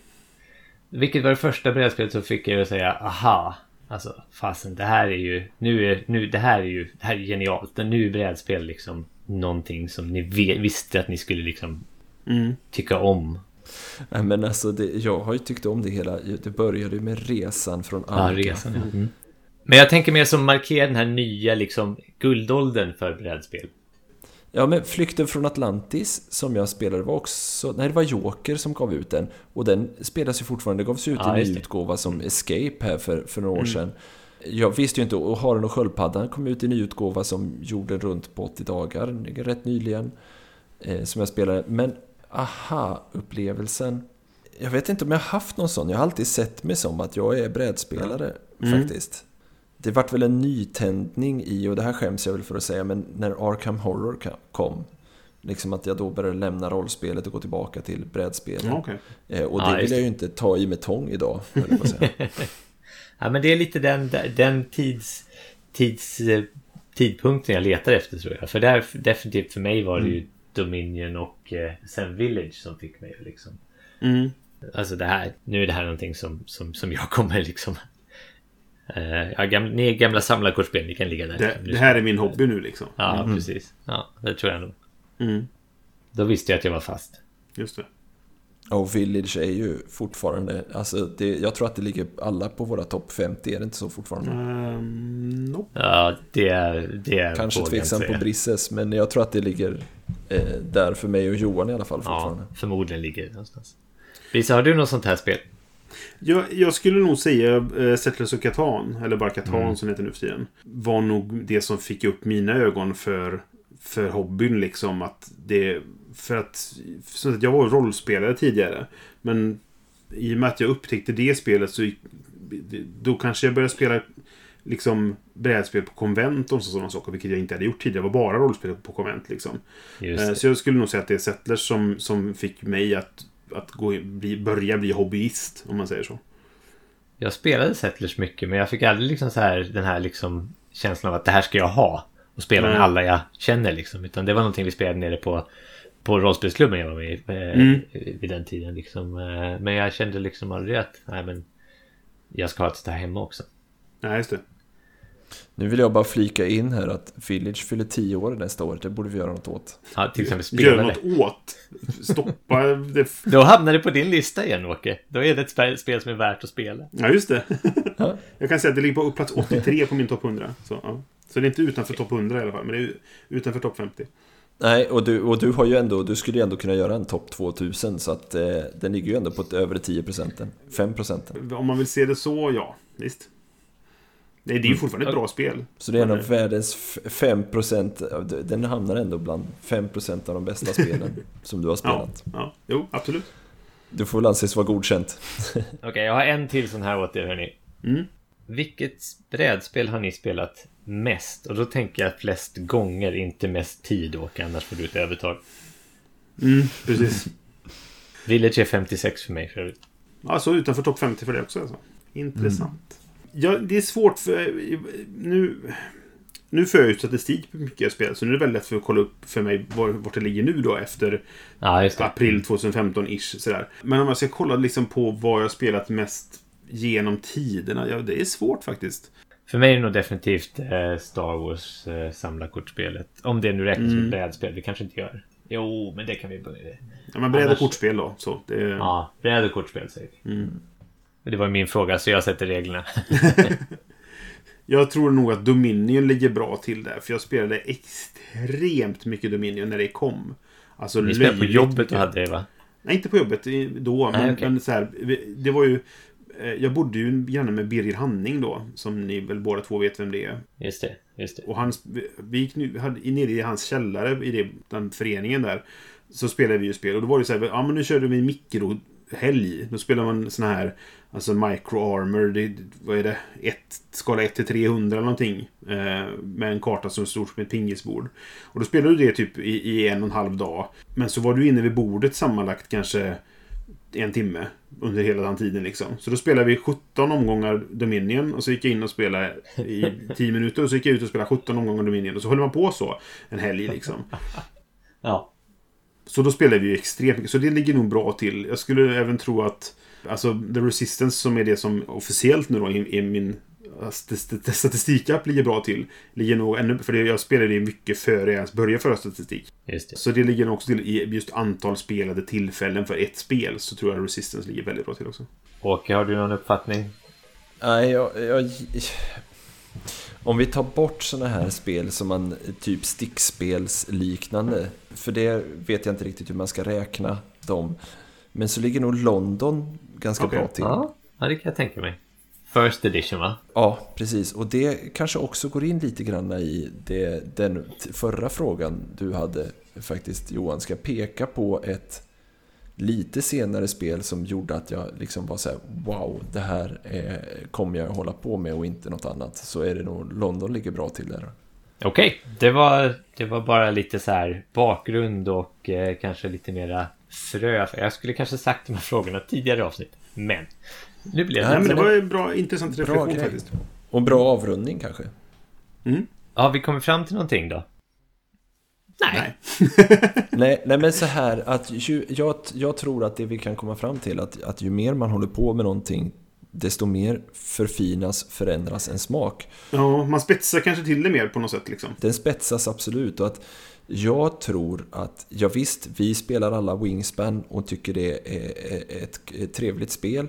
Men någonstans så, så fastnar vi lite grann i våra, eh, jag ska inte säga fastnar i, men, men sina nischer och letar lite i de nischerna. Eller jag gör det i alla fall och jag tror Mm. att du Brisse sneglar lite mer åt de här eh, korta, lätta. Att det, det är lätt för dig att hitta nya där för att man är inne i den. Jag tror att kanske min nisch kanske är just vad kommer alla prata om?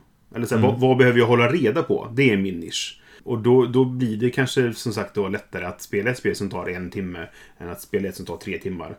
För då hinner jag spela tre spel som tar en timme och då är det tre spel jag har koll på sen jämfört med ett spel som jag har koll på. Och att man också får input då. Vad är det nya inom det här? Eh, inom Mm. den här gebiten. Jag tänker, hänger du, är du solospelare och hänger i någon solobrädgrupp på, på Mm. eh, Facebook, då matas du med den informationen. Mm, precis. Och det, det tror jag är... Att, att ju mer du snör in i någon subgenre, desto mer kommer du fortsätta snöa in i den, för du får mer och mer input på den. Det blir nog lätt så, ja precis. Mm. Jo, men så är det. Och skulle vi ses igen och spela nu här idag, då tror jag absolut att vi skulle ha fantastiskt roligt kring, eh, kring samma spel. Även om vi säger här nu att våra smaker har utvecklats åt olika håll. Mm.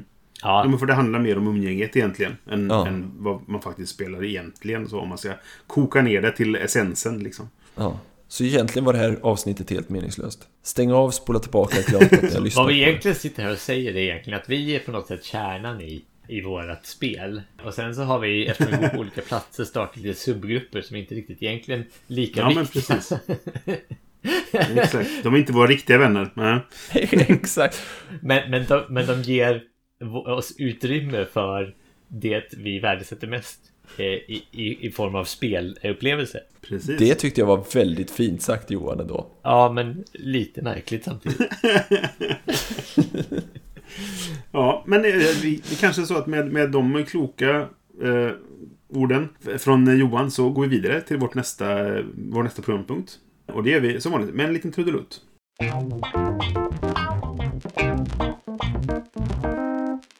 Då har vi kommit till vår nästa programpunkt och Åke, du får stanna kvar här och eh, säga saker också tänkte jag. Det var trevligt. Och eh, programpunkten är ju då inte ett speltips-tipset. Där vi tipsar om någonting som inte är ett spel. Jag kan börja den här gången. Jag går tillbaka i gamla eh, upplöjda spår sådär och, och pratar om populärkultur och inte om skruvdragare eller muffinsformar. Jag har för övrigt köpt en skruvdragare nu Johan. Alltså jag kommer leva länge på den så att jag... Eh, ja, vi får väl se. Vi får väl se vad jag har tagit med mig den här gången. Mm. Jag ska tipsa om ett tv-program som heter Bäst i test. Det är ett program som går, är producerat av- SVT. Och eh, det är baserat på en, en engelsk förlaga som heter Taskmaster. Som också är kul, men eh, som är svårare att se här i Sverige. Bäst i test finns på SVT Play. Och vad det går ut på är att det är ett gäng med svenska kändisar, inom citationstecken, beroende på hur, vad man anser är en kändis, som utsätts för tester, helt enkelt. De säger så här, nu ska du eh, smälla alla de här ballongerna så snabbt som möjligt. Eller eh, få den här medicinbollen att ta sig så långt som möjligt ifrån den här platsen på en timme, till exempel. Eller var, var så högt upp du kan, och vad det nu kan vara liksom. Och, sådär. och en stor del av det är att de får en instruktion som är på ett papper och så har de en, en eh, David heter han som, som tar tid och, och kontrollerar och så vidare. Och mycket av det är så här, okej, hur hittar jag kryphålen här? Och det där tror jag det kan vara lite intressant för brädspelare då. För att eh, det är väl något som vi ibland sysslar med där. Hur, hur, hur twistar jag så att jag kan göra det bästa av den här situationen liksom? Eh, och så är det oftast väldigt roliga människor, för det är oftast komiker och, och, och liknande som är med i det där programmet. Har ni sett det? Nej? Nej, och jag har, jag har lite granna eh, skytte som elden höll jag på att säga. För att det är, det är en här SVT-underhållning på fredag kväll. Kan det bli värre? Men jag har förstått att det är ju, verkar ju väldigt bra. Så att jag får väl ge det en chans egentligen. Så var det för mig också. Jag tyckte så här, det här kan inte vara något bra, jag undviker det. Och sen råkade det vara, jag tror det var på det här SVT 24. Eller det är någon av de här kanalerna som är, när barnprogrammen tar slut så går det över till det. Just det, Barnkanalen, Kunskapskanalen. Det är Barnkanalen på förmiddagen och sen är det något annat på eftermiddagen. Eller på kvällen. Och jag tror det var där, så vi, vi hade suttit och kollat på Barnkanalen och sen gick jag och nattade vår dotter och sen när jag kom upp igen så stod TVn fortfarande på och då hade det blivit detta. Så jag satte mig ner och var lite så här trött och bara, jag kan titta på det här då. Och så satt jag och tänkte, det här är ganska likt Taskmaster som jag har fått tipsat om i, i eh, Mike och Dans grupp. Och så visade det sig att ja, det är ju Taskmaster liksom. Och jag tyckte det var ganska kul. Det, det jag såg där var så här, det här var lite roligt ändå liksom. Så då plöjde jag ju de tre säsongerna som finns på SVT Play nu då. Eh, bara över någon vecka sådär liksom. Och jag skrattade hysteriskt vid flera tillfällen. De är väldigt roliga och just det här, jag, det finns ett nöje i att hur kan jag hitta kryphålet och försöka hitta på ett bättre sätt själv. Också typ så här. Och så ibland så hittar de på samma kryphål och är man så här, "Ja, nu var jag smart. För den där personen vann nu. Och hade samma idé som jag hade liksom. Så det, ja, jag kan verkligen rekommendera det. Det är väldigt roligt. Okej. Bäst i test. Ja, jag ska rekommendera en bok som jag redan rekommenderat er privat. Nu ska jag rekommendera lyssnaren för jag tyckte den var så jäkla bra. Och den heter Seven Eves av Neil Stephenson. Stevenson? Stephenson? Mm. Oklart. Stevenson, Stevenson säger vi. tror jag. Jag vet inte. Ja. Och det är alltså en eh, ganska tjock bok som handlar om månen splittras upp i sju bitar helt plötsligt utan förklaring. Och eh, det här sätter då igång ett antal olika konsekvenser för jorden då. Eh, och man inser ganska snart att eh, de här bitarna kommer splittras mer och mer och mer och sen kommer det, de börja falla mot atmosfären och det har lite olika konsekvenser. Så då måste man hitta en plan då för att kunna liksom, ja, helt enkelt överleva det här och det blir faktiskt en ganska stor händelse utav det då. Så att eh, mänskligheten måste Mm. liksom hitta ett sätt att överleva. Och, och den, alltså det, den, är, den är skriven på ett väldigt, som det känns då, eller den här författaren får mig att känna mig att han verkligen har koll på liksom de här liksom astronomiska himlakropparna och eh, de olika fysiska teorierna och sånt som presenteras i den här boken. Så att eh, den är väldigt, väldigt intressant av den anledningen också, men den är också väldigt spännande. Och sen då i del två utav samma bok så spolas det fram 5000 år i tiden till en slags visionär framtid där man får reda på hur det gick typ. Okej. Så den rekommenderas varmt. Framför allt så, eller om inte annat för att titeln Seven Eves är ett palindrom. Ooh. Så den tycker jag man kan läsa. Om man vill. Ja, bra tips. Ja, jag tänker köra ett, ett litet dubbeltips här. Mm. För, för först vill jag tipsa om, jag har, vi har ju alla sådana här, här hemma har vi alla tjänster som finns på tvn. Det är HBO och det är Netflix och det är Viaplay och det är allt vad det nu är. Och så har vi den, och det, så är det på de flesta hemmen, men så har vi den här tjänsten som jag vet att ni två har, men inte så många andra visar det sig. Och det är ju Amazon Prime. Mycket bra. Just det. Alltså det finns så fruktansvärt mycket bra serier och filmer där. Framförallt gamla filmer. Alltså gillar man 90-tals, alltså hela, ja vad heter de, eh, dinosauriefilmerna och Tillbaka till framtiden och allt sånt där. Finns på den här tjänsten som inte finns på de andra. Men där finns också, så skaffa Amazon Prime. Jag tycker den är, är, är fantastiskt. Jag tror jag använder 75% av eh, liksom, tiden jag tittar på TV Amazon Prime. Men på den så Ja. finns det en serie som heter The Marvelous Mrs. Maisel. Som är hysteriskt rolig, tycker jag. Den är skapad av Amy Sherman Palladino, eller vad heter hon? Pal jo, så heter hon. Som också gjorde Gilmore Girls, bland annat. Ja, ja, ja. Ah. Och det handlar om, och det innebär att det är mycket snack, alltså rappa repliker och mycket, mycket, mycket prat. Och det handlar om, man kan säga att det är Gilmore Girls möter eh, Seinfeld fast i 50-talet. En hemmafru som bestämmer sig för att bli ståuppkomiker i USAs 50-tal. Okej. Eh, judisk kvinna, så det är mycket judiskt eh, driver med, med sin familj och sin bakgrund. Eh, Och man får se lite stand-up scener när hon lyckas och misslyckas i i stand-up. Jätte, jätterolig. Och fruktansvärt smart. The Marvelous Mrs. Maisel på Amazon Prime. Okej. Det lät ju lite spännande faktiskt. Cool. Ja, Mm. den har jag inte sett. Nej, men och det, det är typiskt sånt som man kan se med, det här är ingenting som, för att jag, vi, vi har ju vi- vissa serier, jag vet alla vi tre som vi sitter och tittar på själva, men det här kan man titta på med, med hela familjen, eller i alla fall de som förstår engelska eller kan läsa text tillräckligt snabbt. Det vill säga med våra respektive. Mm. Ja, just det. Ja, Sådana tips behövs också faktiskt. ja men precis. Okej, Ja. ska vi gå vidare till eh, vårt, vår sista programpunkt?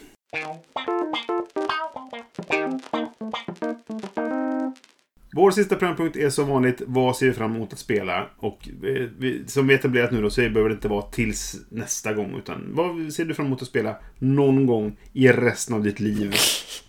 Ursäkta att jag har liksom omdefinierat det där lite så.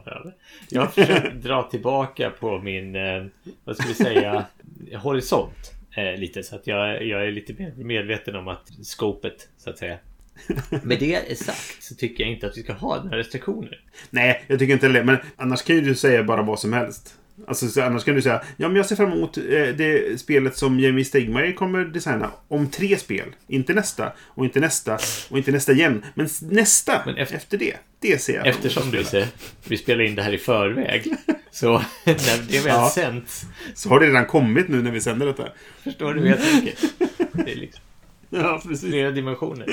Okej, jag ska säga, jag ska istället gå och säga vilket spel som, som jag ser fram emot att spela. Jag börjar här. Gör det. Jag fick eh, ett tips av en god vän. En god vän som är liksom tjänar lite som en enabler. Måste jag försöka Din brädspelspusher. Ja, en, en riktig brädspelspusher. Alltså riktigt så här sneaky brädspelspusher. Som Ja. brukar säga så här, du ska inte köpa det här spelet eller du, han, du de här, eh, pokermarkerna jag köpte riktigt fina. Så här. Och den här gången då så, eh, så sa han så här. Du, det kommer ju en expansion till ditt gamla favoritspel Imperial Settlers. Nu, som, sätt, som ger en eh, kampanj. Det är liksom en kampanjmodul så att man kan spela sitt, sin, sin civilisation över ett antal speltillfällen. Okej. Och det blir som en legacy-upplevelse. Och det var ja... Och man kan också spela det själv då, alltså eh, solospelare. Och det är tydligen också utformat så, så att typ, till exempel om du har spelat det, Brisse, och du är, har spelat tre spel i din kampanj. Så kan jag spela det med dig, men jag spelar min första. Så att man utvecklar sin kampanj okej. på något sätt i... Det, det, de behöver inte synka liksom. Utan, utan eh, Sjukt liksom smart. driva det antingen, eh, antingen på det sättet eller, eller eh, att spela själv. Ja, så det, verkar, det verkar ganska lovande i alla fall. Men det blir inte kooperativt bara för det, utan det är fortfarande att man spelar mot Ja, varandra. precis. Du, du dra- draftar ju liksom samma resurser och eh, förstör varandras byggnader och sånt Just här.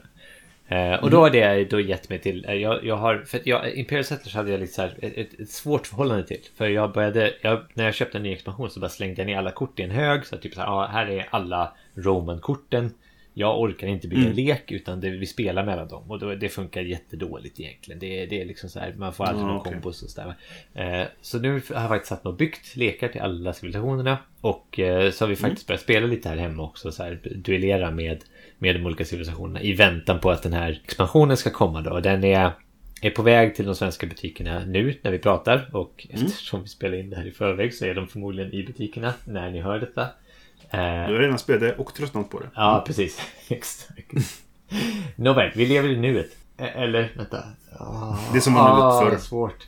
Eh, jag, jag har beställt det här från Portals hemsida då. Och eh, jag kommer få det i dagarna, men fram tills dess har vi börjat liksom så här damma av det här spelet. Så det är faktiskt ett riktigt bra spel, alltså. Jag gillar ju det. Jag gillar ju det. Och det är ju ett kortspel då. Som jag återkopplar lite till det. jag sa innan då. Mm. Och min enabler, han har ju liksom lyckats redan nu då för han har fått mig att börja spela det här spelet och ens tänka på det ens innan jag fått expansionen. Så att, eh, ja, nej. Han, Mm, mm. han är duktig. Kul. Mm. Ja, men det låter roligt. Det, det lät som en kul eh, expansion, alltså med kampanjspel och sånt. Sen att man aldrig hinner spela kampanjspel är en annan sak. Eller du kanske gör det för att du spelar med din fru. Ja, det, det jag har lite förhoppning på att vi ska kunna, kunna göra det. Mm. Liksom. Ja, kul. Så det är mitt, eh, det ser jag fram emot.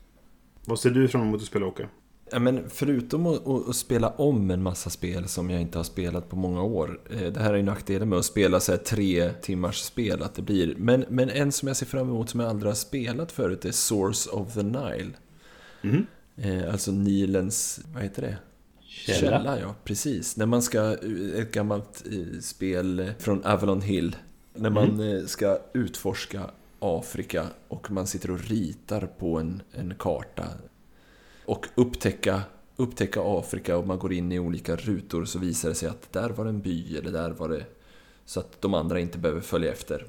Ja, det är som Cartographers, fast, Ja, fast... så som det borde vara. Kanske, jag vet inte. Det har ju inte särskilt bra betyg på BGG, men, eh, men jag har hört mycket gott om det av folk jag, jag litar på. Hur gammalt är det?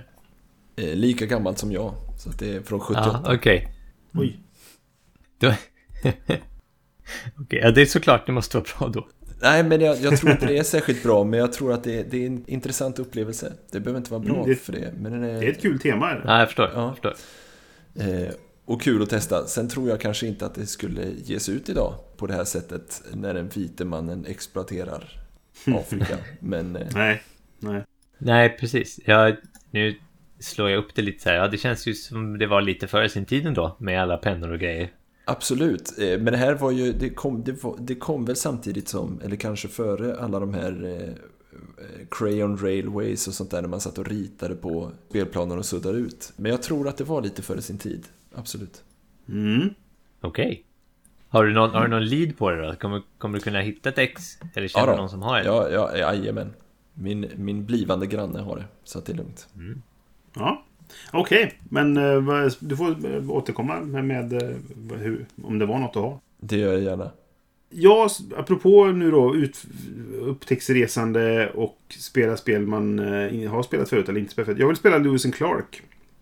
Men jag vill spela den nya utgåvan Ah, som snart ja. kommer. Har, har den inte kommit ännu? Nej, den har inte kommit ännu. Skulle det vara någon skillnad på dem? Nya och gamla. Ja, de, de har gjort om en del grejer. De har bytt ut några av eh, de här ja, man, man kan plocka upp på vägen. Alltså så några av, av de andra karaktärerna i spelet är utbytta. Inte jättemånga. Jag tror de bytte ut kanske fem eller sex stycken. Sen har de tweakat lite grann, tror jag, ikonsystemet. Tror jag. Jag ska inte säga till. Jag läste regelboken för ja, några månader sedan. Men framförallt så har de ändrat på hur, hur du flyttar de här tel, alltså din, din, eh, ditt läger. Att man backar inte lika mycket om jag förstod saken rätt. Och man kommer inte slå, slå läger på riktigt samma sätt längre. När jag läste, jag kommer faktiskt inte ihåg exakt hur det funkar nu, men när jag läste regelboken så var det typ så här, jag vet inte om jag kommer gilla detta. Så jag är väldigt spänd nu då, för eftersom det är den här utgåvan som kommer finnas i butik ifall någon vill köpa mitt favoritspel. Så Ja, är det kul det. att se hur det faktiskt är. Liksom. Men jag pratade med, med Johan på eh, Asmodee Nordics och han sa att det finns inte i deras sortiment än. Så att eh, det, det, Okej. det, jag tror det finns i franska butiker, men jag tror också det är en fransk utgåva då. Jag, jag, jag kollade, jag var inne på den sidan. Jag fick upp eh, den engelska varianten och där kunde man beställa spelet. Men det var liksom, det var helt omöjligt att förstå om spelet var på engelska eller hade engelsk, eh, Mm. engelska regler. Jag såg en, en, en svensk butik som vi inte behöver nämna då, för jag vet inte ifall det faktiskt är så att de har det. Eller ifall det var så att det var en förbeställning, eller ifall de bara låtsas att de har det. Eh, Eller jag vet inte riktigt, men... eh, Men enligt, enligt den nordiska distributören så finns det inte än. eh, Att få tag på. Okej. Så att, eh, Ja. då, jag, jag, jag hoppas bara att inte han väntar på att de ska få en svensk utgåva av det. Men det tror jag inte för de brukar skicka med engelsktal, eller så engelskspråkiga spel. Så att, eh, jag, jag tror det. Men det, det ser jag verkligen fram emot. För jag vill, jag vill testa det igen. Och det, det, kommer, det kommer också ge mig chansen att få tvinga min, min spelgrupp att spela mitt favoritspel. För jag ska ändå recensera det liksom. Så, att då, så här, nu måste ni spela det här Smart. spelet. För de är inte jätte... Det, det, är, de, det är ingen annan så här som är så förtjust i, i eh, originalspelet som jag är. Så att eh, det är svårt att övertala dem annars liksom. Cool. Eh, Så det, det ser jag fram emot. Bra plan. Eh, Nya Lewis Clark. Second Mm. edition, eller vad, man nu, eh, vad det nu kommer att kallas då.